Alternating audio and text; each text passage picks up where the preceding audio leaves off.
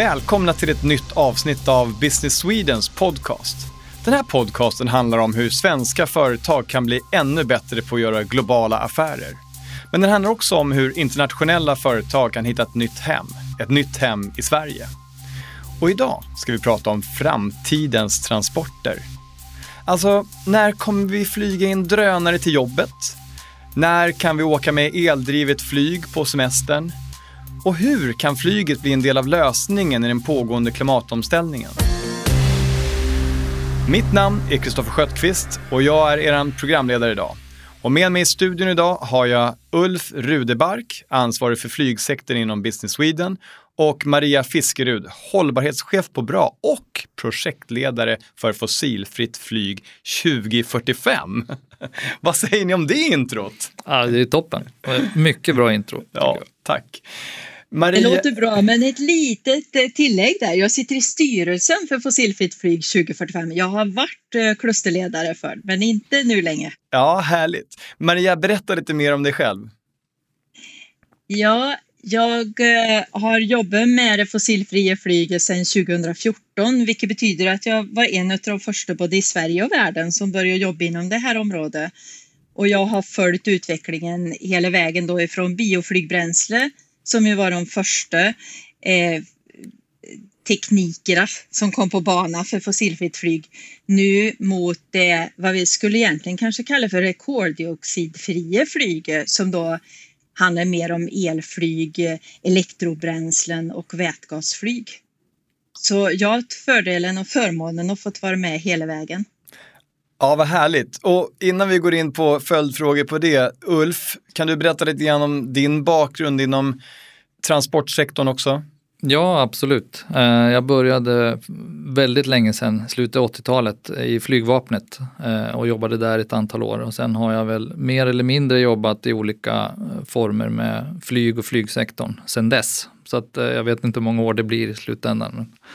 Och just nu sitter jag som sagt på Business Sweden och vi har ju en hel del bolag i Sverige som är aktiva inom den här sektorn. Jag skulle vilja påstå att det är runt 100 bolag eller mer.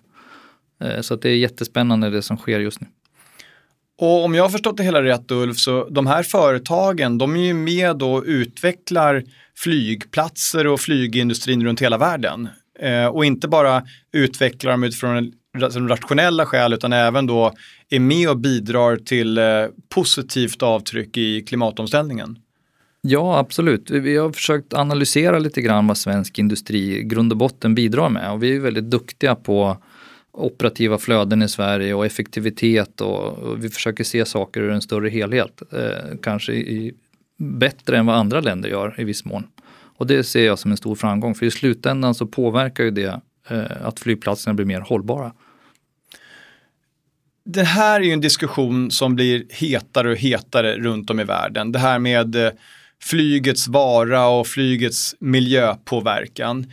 Och i det projekt som du sitter i Maria, Fossilfritt flyg 2045, eller som du sitter i styrelsen för, kan du berätta lite grann om hur den planen ser ut? Ja, det vi har gjort inom Fossilfritt flyg 2045 är att hela ekosystemet har varit med och eh, tagit fram en plan och det bygger på den färdplan som branschen har tagit fram inom eh, eh, ramen för Fossilfritt Sverige och där vi ska vara, ha ett fossilfritt inrikesflyg 2030 och ett fossilfritt in och utrikesflyg 2045. Sen har vi jobbat vidare med det och då bredde, skulle man säga, kunde säga branschen till att gälla hela ekosystemet. Så vi såg till att hela vägen ifrån skogsägare till eh, flygplanstillverkare, flygoperatörer, flygplatshållare, och eh, till turistnäringen och andra näringar som, som är beroende av flyg, att den samlades i samma rum och diskuterade vad det var vi var tvungna att göra för att uppnå det här då. Så där finns det en, en relativt detaljerad färdplan idag eh, som vi nu ska försöka och eh, genomföra och en hel del av det har redan börjat genomföras. Så jag tycker Äh, nu känns det rätt positivt. Det känns som det går fortare och fortare faktiskt och, och kanske till och med snabbare än, än vad vi trodde ifrån början. Ja, vad härligt. Och kan du exemplifiera det här? Vad är det för initiativ som man då startar, både inom eh, liksom flygindustrin men också titta på flygplatser och infrastruktur? Vad, vad är initiativen om du tar några konkreta exempel? Vi har varit alltså, världsledande inom det här så att det är både i Sverige att vi har varit tidiga i Norden men, men även att vi har inspirerat övriga världen. Och ett sådant exempel är ju att vi var väldigt tidiga och började just med bioflygbränsle. 2014 så var, byggdes det en tank för bioflygbränsle och för kontinuerlig tankning av bioflygbränsle på Karlstad flygplats och det var den första i världen.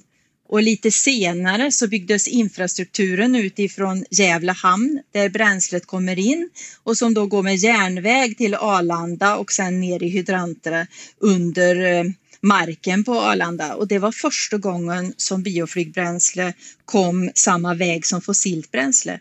Och en kan ju tycka som lekman att det här kanske inte låter så märkvärdigt, men det har gjort att vi har fått besök från hela världen faktiskt som kommer hit och tittar på hur det här går till och plötsligt var det möjligt, plötsligt var det verkligt.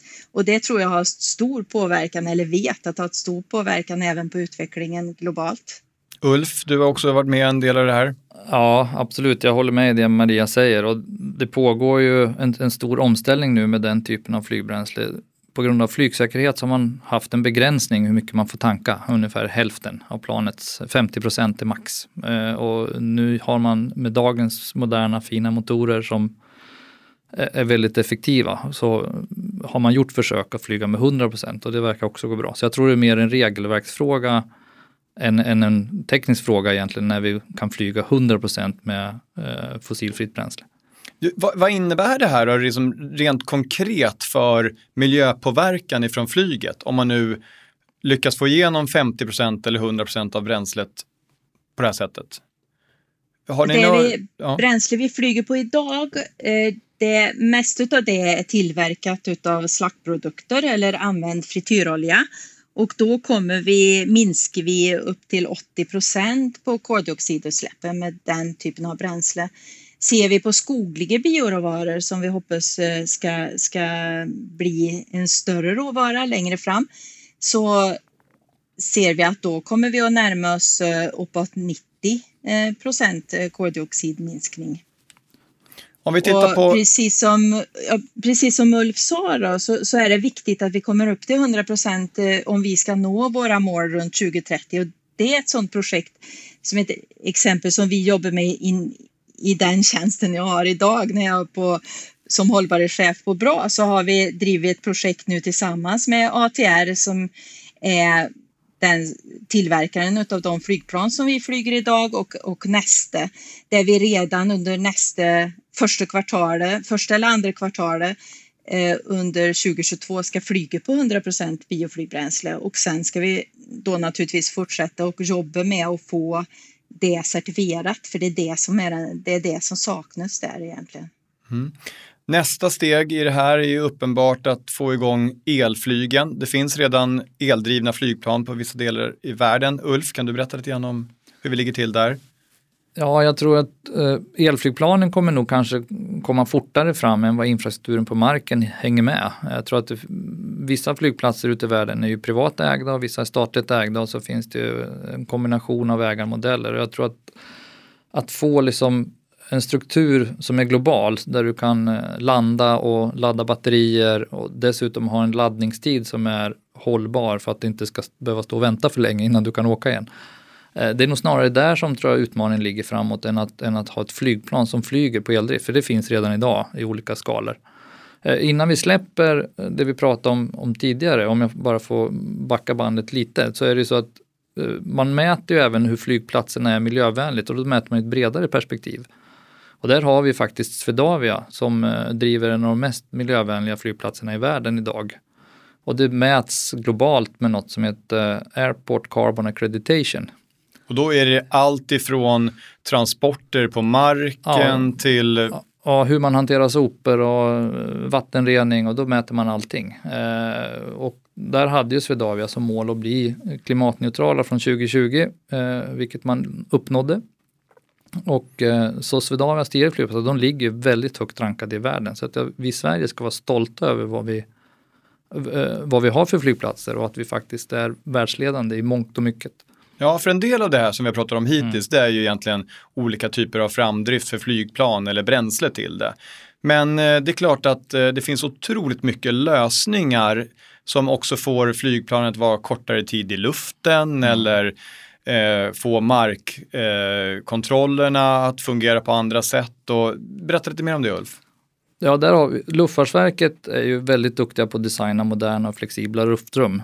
Sen kan man ju då tillåta ett flygplan och, och något som heter Continuous Descent Operation, så att man, en väldigt grön inflygning. Man ligger ganska kort tid på marshöjd och så gör man en väldigt lång inflygning. Eh, och där gjorde faktiskt bra, eh, tror jag, förra året, eller om det var förrförra till och med, eh, något som de kallade världens mest miljövänliga flygning från Halmstad till Bromma. Eh, där man naturligtvis hade ett fullsatt plan och så flög man med 50% miljöbränsle och eh, eh, då lyckades man göra en extremt miljövänlig flygning. Jag tror kanske du kan berätta mer om Maria, jag vet inte. Ja, och det är, den, det är den vi ska göra om nu nästa år då, men med 100% istället. Och vad innebär det här? Innebär det här att man går upp till marshöjd och sen så börjar man sjunka sakta men säkert eller? Maria? Det vet inte jag. Ja, det vet, ja då, kan, då, kan, då kan jag fylla i lite då. Jo, men det, det gör det. Om du tänk att du åker i en bil i en nedförsbacke så drar du liksom mindre bensin och det är likadant med ett plan. Om du kan liksom sakta men säkert börja glidflyga in mot den flygplats du ska landa på och sen tillåts du gå eh, direkt mot banan där du ska vara. När du kommer ner på låg höjd, eh, och det har vi samma problematik kanske runt Arlanda, att du har bostadsområden och då vill man inte liksom flyga över hustaken för det bullrar. Utan då flyger man runt hustaken istället. Man flyger liksom lite zigzag på vägen mot banan. Det har ni säkert märkt när ni landar någon gång att det liksom svänger lite på slutet. Och det är ju för att man ska undvika buller på marken. Eh, om, man, om man tillåts flyga över hustaken, eh, då sparar man väldigt mycket bränsle. Så att den här kombinationen av att, att ha låg bränsleförbrukning och samtidigt ha lågt buller, eh, den kombinationen är svår. Man måste liksom antingen välja mm, vilket är värst? Är det CO2-utsläppen som är värst eller är det buller över hustaket på morgon och eftermiddag som är värst? Just det, och hur är det där med när elflygplanen kommer? Kommer det vara lika mycket buller då eller blir det mindre buller? Nej, det blir naturligtvis mycket mindre buller. Det, blir, det är en annan typ av framdrift. Ni hör ju väl om en tyst Tesla glider förbi så är det också lite tystare. Sen får du naturligtvis ett ljud av, av propellerna, men det är en annan femma. Det är jättestor skillnad. När den står vid ett elflygplan så är det ju inte, det är ju egentligen ingen ljud i sig, ja. utan det är ju själva ja, det är ju propellerbladen, det är ju luften som låter, ja. inte själva flygplanet där.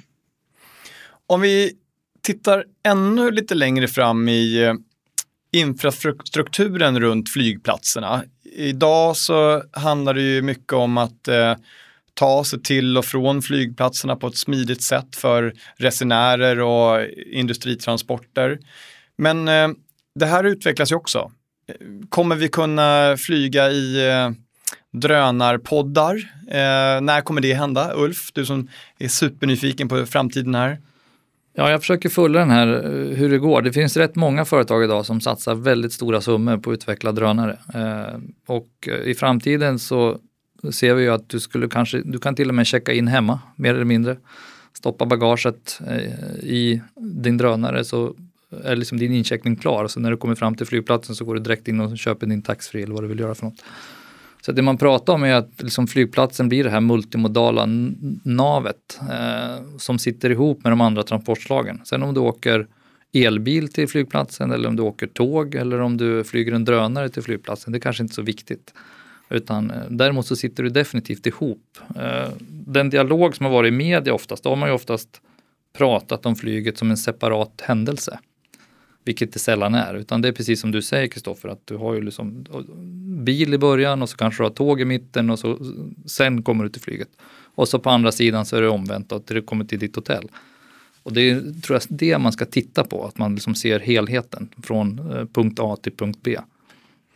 Jag tror det kommer att bli så i framtiden att du beställer din eh, biljett eller din resa men du kommer inte vilket transportslag du har på vilken del av sträckan. Det kanske du inte ens kommer att veta när du beställer biljetten. Och, och, och hur ser det ut här med, om vi tittar på eldrivet flyg, när har vi det i luften i Sverige? Enligt er, nu har jag ju två stycken superexperter här i studion. The million dollar question. Jag vill låta dig att börja Maria. Vi ska ha, ja, vi, vi ska ha planen elflyg i luften 2027. Mm, spännande. Och vilka sträckor är det man tänker då? Man har ju hört mycket om att det där är någonting som man skulle vilja införa på flygningar till Visby, Bromma eller hur? Jag tror inrikes är definitivt starting point för att eh, sen har man ju naturligtvis en prognos på hur batterierna ska utvecklas och man har en prognos på liksom hur laddtider ska gå ner och, och sådana saker.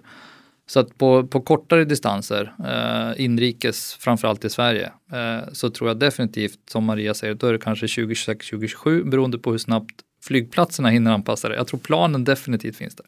Det tror jag med och dessutom då så jag tror inte kanske att det i första hand blir Visby Bromma. Jag tror Visby kommer att vara tidigt ute men jag tror att vi då kommer att flyga Visby Kalmar, Visby Jönköping eller andra närliggande eh, städer egentligen till, till Visby men som det har tagit väldigt lång tid eh, att ta sig till. Så att eh, jag tror att vi kommer att se ett helt annat nät för, för elflyget. Och jag vet att en stor utmaning för det här är ju då att eh, titta på den här laddningsstrukturen och såklart få eltillgång till laddningsstruktur. Hur går jobbet framåt där Ulf? Jag menar, både i Sverige och runt om i världen. Vad är det för diskussioner som sker? Ja, jag, jag, kan referera till, jag var och träffade Heart Aerospace i Göteborg för ett tag sedan. Och, och det man ser som ett scenario fram, i framtiden det var att man vill ha eh, två minuters flyg på en minuters laddning. Eh, så att eh, ska man åka en kort distans, som Maria är inne på, och så landar man och så går passagerarna av och så bagaget och så omvänt ska man iväg igen. Då vill man ju kunna ha en, liksom en normal turnaround-tid, ungefär som man har idag. Ja, det låter ju rimligt. Det som är spännande där med elflyg är ju att du kan ju börja ladda när passagerare går av och på. Mm. Idag vill du inte gärna tanka eh, då, men, men däremot eh, ladda ett elflyg kan du göra eh, under tiden. Så därför så, så tror vi inte att det kommer att bli så, så mycket längre turnaround-tid. Men det är klart att det här måste vi ju testa på riktigt sen när vi, när vi har flygen, eh, flygen på plats. Då. Mm det är massor med företag inom den här sektorn som eh, jobbar väldigt framgångsrikt runt om i världen. Och, men vad är det som efterfrågas just nu? Vi pratar ju en del här ju om batteriteknik såklart, laddningsteknik, eh, olika typer av lösningar med hjälp av AI för att minimera transporter. Vad är det mer för typ av företag som eftersöks idag på, inom flygindustrin? En sak som jag tycker är spännande är ju den här res och energihubben som vi ser att flygplatser håller på att utvecklas till. Vi har ju även flera av de regionala flygplatserna som ägs av regioner och kommuner som idag har nått lika långt eh, som, som Swedavia. Så att vi, vi är verkligen framstående inom den delen. Och vi har ju förnybar el. Men vi ser även att flera av de flygplatserna eh, satsar till exempel nu på solel. Och, och det är ju ett bra ställe att bygga faktiskt solpaneler på, på en flygplats. Så det i kombination med att de då kan finna olika sätt och ehm, eh, ladda eller eh, batterier, olika typer av batterier för, för att spara ner den här elen för att sedan använda för flyget. Men, men även för andra delar inom eh, samhället. Eh, vi har eh, flygplatser uppe i norr till exempel där det nu mer och mer samlar även eh, kommunens ehm, eh, elfordon på flygplatsen därför att du har redan en infrastruktur eller börjar att få en infrastruktur uppbyggd på det här sättet. Så att jag tror att flygplatsen kommer att bli mer integrerad eh, i, i annan eh, kommunal och regional verksamhet eh, som en energihubb. Ulf, ni på Business Sweden, ni jobbar ju med att sammanföra olika typer av företag och organisationer för att kunna skapa framtida affärer. Hur ser det här eh, nätverket ut eller det här ekosystemet runt eh, framtidens flyglösningar och framtidens transportlösningar ut? Ja, Eh, vi jobbar ju som sagt i de här olika ekosystemen. Eh, vi har startat upp en del referensgrupper. Eh, Maria ingår i den bland annat och där har vi även med representanter både från Luftfartsverket och Swedavia och andra organisationer, transportföretagen. Och det är naturligtvis ett bra sätt för oss att, att hålla oss ajour med det som händer. Sen har vi en, en outreach i de bolag som vi jobbar med. Primärt kanske vi jobbar med de företag som redan är ute på export som tar hjälp av våra tjänster och sen eh, ja, har vi mer och mer börjat interagera även med, med regionerna och där har vi haft eh, ganska intressanta event under året som har gått. Eh, där vi bland annat har varit med Green Flyway uppe i Jämtland Härjedalen och eh, de har ju nyligen börjat flyga med bland annat eh, drönare från Funäsdalen till sjukhuset i Östersund med blodprover. Det såg jag häromdagen. Ja, det är på väldigt spännande och det är också en elektrifierad drönare som, eh, och det är bara ett exempel. Eh, Sen läste jag nyligen att man hade flygit ett covid-test upp till Gunnarn. Också en annat exempel på hur man kan liksom utöka samhällsnyttan. Eh, och då, precis som Maria är inne på, det blir liksom en sömnlös transport. Antingen av gods eller medicin eller när vi är ute och reser så blir det liksom, som Maria säger, vi vet inte exakt kanske hur vi reser när vi börjar. Men vi kommer flödas igenom förhoppningsvis ganska sömnlöst mellan de här olika transportslagen. En annan sak som vi ser när vi tittar just på, på elflyger då, eftersom det kan vara autonomt med, så, så på dagtid så går det, ser vi att det skulle kunna gå med pilot, med pilot och med resenärer på dagtid.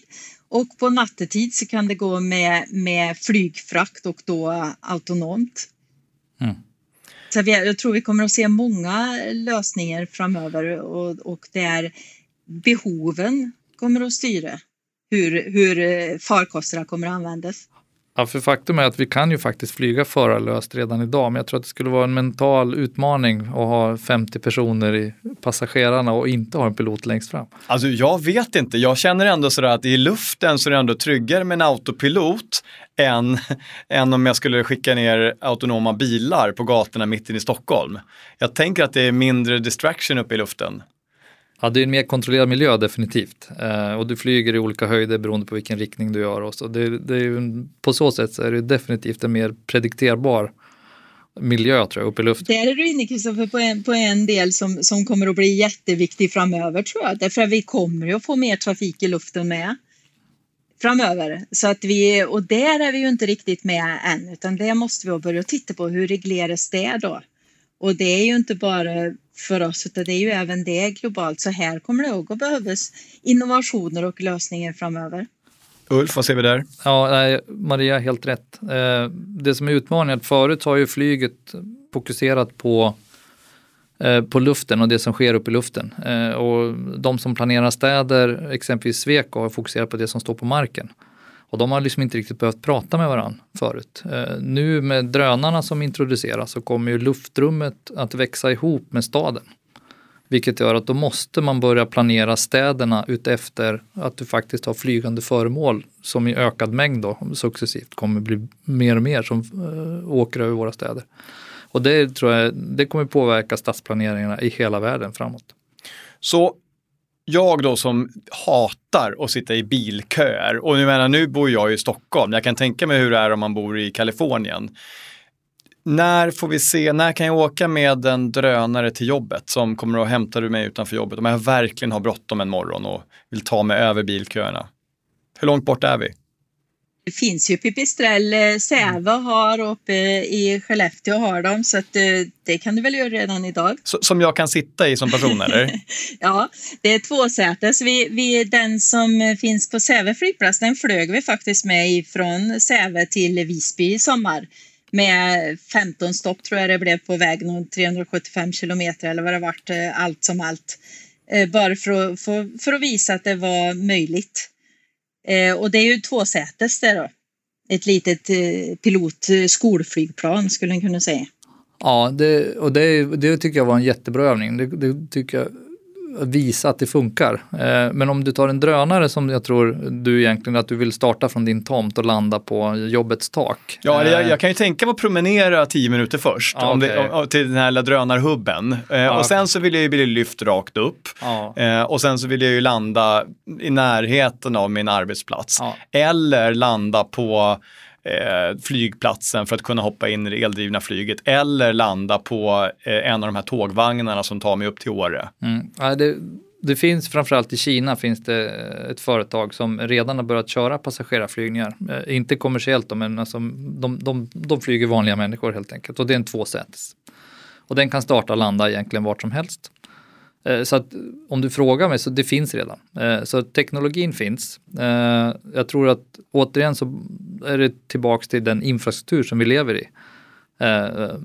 Jag tror det skulle ta rätt lång tid innan både Stockholms stad och Luftfartsverket och vilka andra beslutsfattare som kommer att bestämma att det är okej okay för dig att flyga in och landa här på taket på Point Break. Det är liksom, det blir, så att tekniken finns, den kan du göra imorgon. Eh, regelverken och anpassning av lagstiftning och andra saker. Det är nog där knuten ligger tror jag. Så, så är det, men Skellefteå har ett projekt nu. Nu, nu är väl det kanske inte så mycket för, för att det är för mycket trafik, men, men där, de räknar med att om två år så ska de ha en drönare eller ett litet elflygstaxi och det är ju främst för att ta personal från eh, flygplatsen till Northvolts eh, fabrik så snabbt som möjligt. Ja, det låter spännande och, och framförallt så låter det ju som att vi har en väldigt spännande framtid framför oss här eh, inom flygindustrin också. Och eh, jag menar, det verkar som att det bubblar och att Sverige ligger väldigt långt fram. Har jag fattat det rätt Ulf? Ja, jag tror inte det, det är mer än bubbel, det, det kokar. Eh, jag tror att den, det teknikskifte som nu pågår, till viss del faktiskt i det tysta än, för det skrivs inte så mycket om det. Eh, det är ju lika stort som vissa andra stora teknikliv som man har gjort. Så jag, jag, jag, tror att vi kommer se på flyget på ett helt annat sätt eh, framåt. Eh, och den tekniken som kommer, nu har vi inte nämnt vätgas idag, men det är också en annan form av liksom, eh, miljövänlig framdrift, framförallt på längre flygningar kanske, som också kommer in. Så att jag tror att vi har massor att se fram emot. Maria, för eh, tio år sedan när man satt på flyget, då tog man gärna en selfie och la ut på Instagram eller Facebook.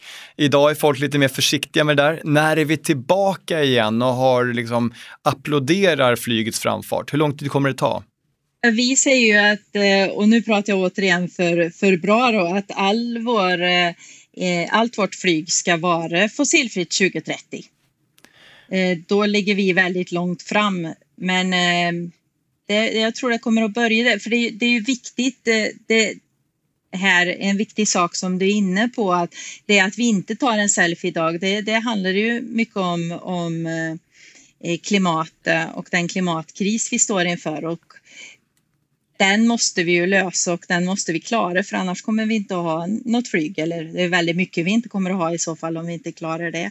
Så att det här drivs ju av klimatkrisen också skulle jag vilja säga. För, för att vi ska finna lösningar och det är för att vi som människor vill träffas, vi vill ses, vi vill umgås och vi vill lära oss nytt. Och, och jag tror att det finns en, någonting väldigt bra i det att vi reser och träffas över kulturgränser med. Och, och att det kan komma andra kriser om vi inte gör det. Så att, eh, jag, jag, hoppas att vi snart är där, att vi har eh, de här lösningarna som gör att vi kan träffas och, och resa. Ulf, några sista ord ifrån samarbetet man har kring Business Sweden?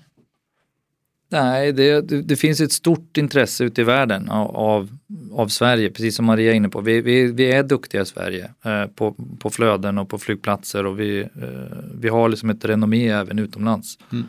Eh, så, så, en uppmaning till svenska flygindustrin, kontakta Business Sweden för att komma med i den här heta sammansvärjningen av företag och organisationer, stämmer det? Absolut, vi har ett antal större program som vi driver eh, och eh, ju fler företag som kommer desto starkare blir vi ju tillsammans. Så att absolut. Och där är det återigen jätteviktigt även för om vi, nu är jag tillbaka på klimatkrisen igen, men vi är 20 procent som har flöge i världen. 80 procent har inte gjort det än.